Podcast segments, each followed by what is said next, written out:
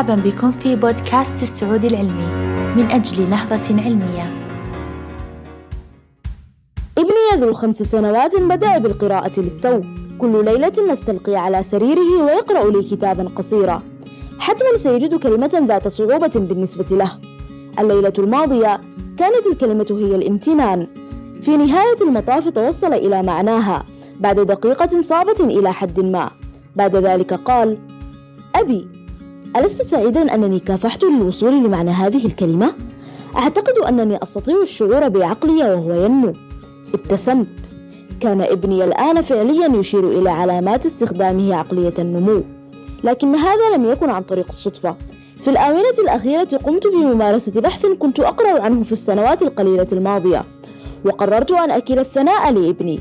ليس عندما ينجح في القيام بتلك الأشياء التي يعرف كيفية القيام بها مسبقة ولكن عندما يثابر لعمل الأشياء التي يواجه صعوبة فيها. قلت له مشددا أنه بالكفاح والمثابرة سينمو عقله. ما بين الأبحاث العميقة في مجال تعليم طرق التفكير وتجربة الشخصية هذه مع ابني أنا أكثر قناعة من أي وقت مضى أن تعليم طرق التفكير يمكن أن يكون أهم من أي شيء آخر نعلمه.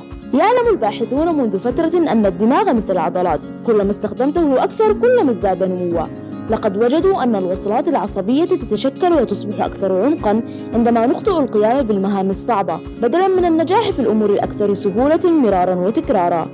ما يعني أن ذكاءنا ليس ثابتا وأن أفضل طريقة لتنمية عقولنا هي تبني المهام التي قد تعرضنا للكفاح والتقدم بصعوبة أو الفشل. ومع ذلك لا يدرك الجميع هذا. الدكتورة كارول دويك من جامعة ستانفورد عكفت على دراسة تعليم طرق التفكير منذ عقود. لقد وجدت أن معظم الناس يتبعون إحدى اثنتين من طرق التفكير. ثابت أو متطور. الأشخاص ذوي العقليات الثابتة يعتقدون بشكل خاطئ أن الناس إما أذكياء أو لا يعني أن الذكاء تحدده المورثات.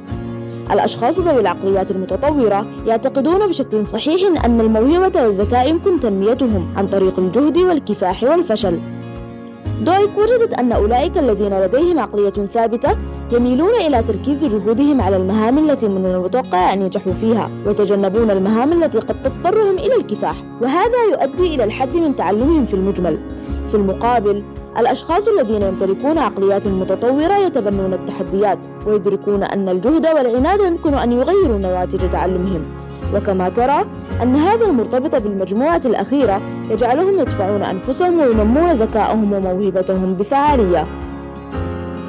الخبر السار هو أن العقليات قابلة للتغيير ويمكن تعلم طرق التفكير. ما هو رائع حقا؟ أن دويك وآخرين قدموا تقنيات تدعى تدخلات عقلية النمو. والتي أظهرت أنه حتى التغيرات الصغيرة في التواصل أو ما يبدو على أنها تعليقات غير مؤذية يمكن أن يكون لها نسبيا آثار تدوم طويلا على عقلية الشخص. فمثلا الثناء على الكيفية. أنا حقا معجب بالطريقة التي كافحت بها لحل تلك المشكلة. يبرز الجهد. لذا فهي إحدى سبل تعزيز عقلية النمو. بينما الثناء على سمة فطرية أو موهبة أنت ذكي جدا. يعزز فكرة النجاح أو لا على أساس سمة ثابتة. ولقد رأينا هذا أيضا في أكاديمية خان حيث أن الطلاب يقضون المزيد من الوقت من أجل التعلم بعد تعرضهم لرسائل الثناء على عنادهم وإصرارهم وهو ما يؤكد أن الدماغ مثل العضلات حقا. الإنترنت هو بمثابة حلم للأشخاص ذوي عقلية النمو ما بين أكاديمية خان ومنصات التعليم المفتوح عبر الإنترنت وغيرها.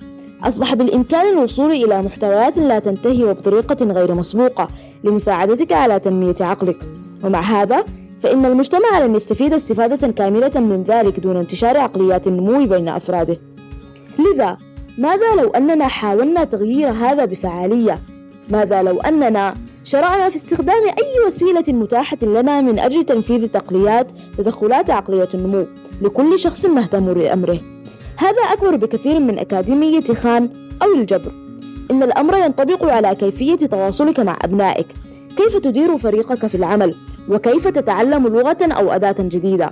إذا بدأ المجتمع بأسره بتبني كفاح التعلم فلن يكون هناك حد لما قد يمكن أن يعنيه هذا لقدرات البشرية في العالم. أظهرت الأبحاث أنه بمجرد التعرض للبحث نفسه على سبيل المثال معرفة أن العقل ينمو أكثر عن طريق الأسئلة الخاطئة. وليست الصحيحة. يمكن أن يبدأ في تغيير طريقة تفكير الشخص عقليته. النصف الثاني من التدخل بالنسبة لك هو نقل البحث للآخرين.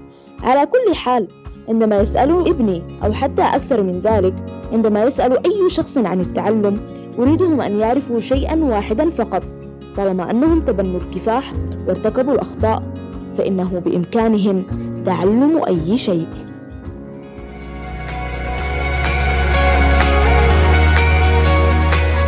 هذا البودكاست من إنتاج مجموعة السعودي العلمي ترجمة حسن البار تقديم نوف الفياض وروان عبد العزيز إنتاج فاطمة محمد.